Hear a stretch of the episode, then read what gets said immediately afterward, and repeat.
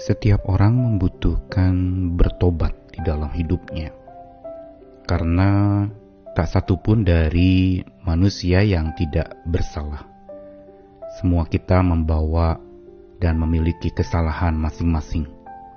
Ada dosa yang sesungguhnya kerap dilakukan dalam hidup kita sehari-hari.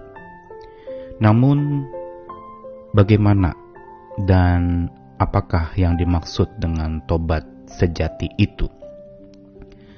Ada orang yang bertobat kepada Tuhan, tetapi sekedar hanya melihat pertobatan itu sebagai sebuah reaksi jerak, kapok, tidak mau berbuat lagi karena sudah merasakan dampak dari perbuatan salahnya itu. Dan segala sikap jerak dan kapok ini sering kali justru dianggap itulah satu-satunya ciri atau cara seseorang itu bertobat. Dia jerak, menyesal, dan tidak mau berbuat lagi kesalahan yang sama.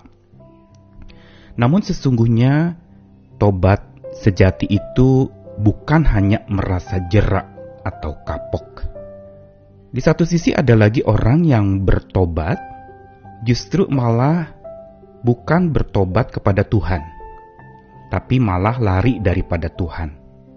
Merasa diri nggak pantas, nggak layak datang kepada Tuhan, setelah tobat malah menjauh.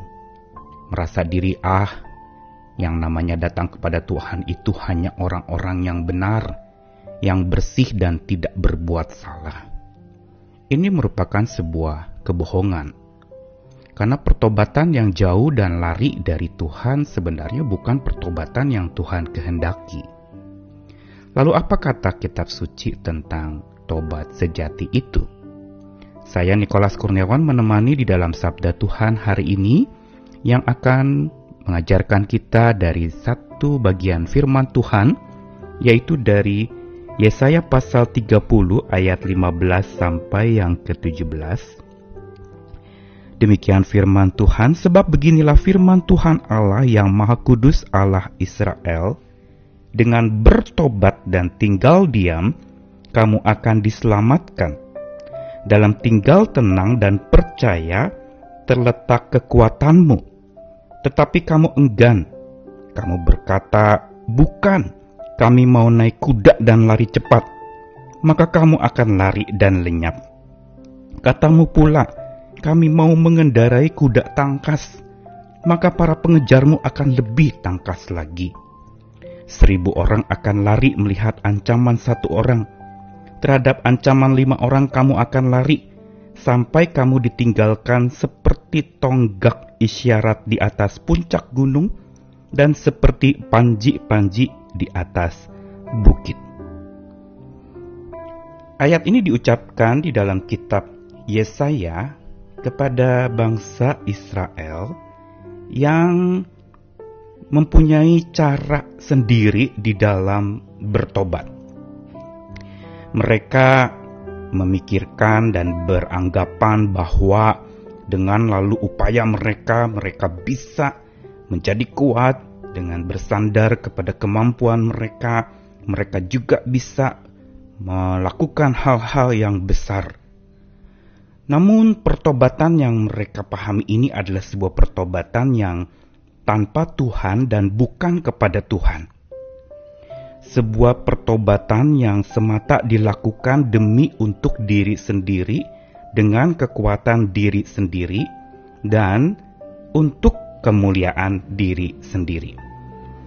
Sehingga Tuhan mengatakan lewat Yesaya di dalam ayat yang ke-15 tadi, dikatakan bahwa dengan bertobat dan tinggal diam, engkau akan diselamatkan.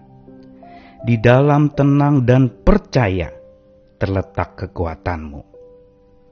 Kalimat sederhana ini sebenarnya mengandung makna tentang tobat sejati yang Tuhan ajarkan dan yang perlu kita lakukan sepanjang hidup kita. Yaitu bahwa tobat sejati itu berkaitan dengan kembali kepada Tuhan. bukan sekedar menanggalkan perbuatan salah dan melakukan perbuatan baik. Bukan sekedar kapok atau jerak tidak mau melakukan lagi, tetapi pertobatan yang Tuhan minta adalah return to God. Kembali kepada Tuhan. Demikian dalam versi Alkitab tertentu dikatakan in returning. Kembali kepada Tuhan. Dan yang kedua, tobat sejati itu bukan saja returning atau kembali kepada Tuhan, tetapi juga rest, beristirahat, berserah diri. Ada faktor rehat dan berserah penuh kepada Tuhan. Dan diikuti pula dengan in quietness, dalam ketenangan. Ada faktor ketiga dari tobat sejati itu adalah menenangkan diri di hadapan Tuhan dan dekat Tuhan. Seperti tersungkur, justru datang kepada Tuhan, bukan menjauh dari Tuhan pada saat seseorang bertobat. Dan yang terakhir adalah in confidence, dengan keyakinan. Inilah sebenarnya yang menyebabkan seseorang menjadi kuat. Satu paket yang sangat jelas tentang tobat sejati, yaitu kembali kepada Tuhan, rehat dekat Tuhan, berdiam diri bersama dengan Tuhan dan dekat dengan Tuhan, serta percaya. Inilah sebenarnya tobat sejati yang Tuhan inginkan pula dari hidup kita. Dan ini dikatakan terletak kekuatanmu. Dan Yesaya mengingatkan bahwa hal ini adalah sesuatu yang menjadi kekuatan setiap orang percaya.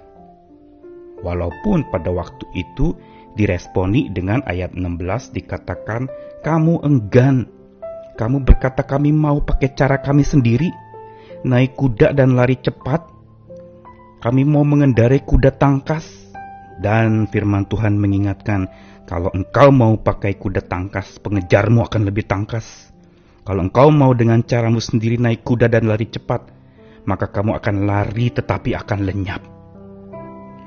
Tobat sejati yang Tuhan ingin ajarkan lewat kedua ayat ini adalah sebuah tobat sejati yang membawa kita untuk rehat bersama dengan Tuhan.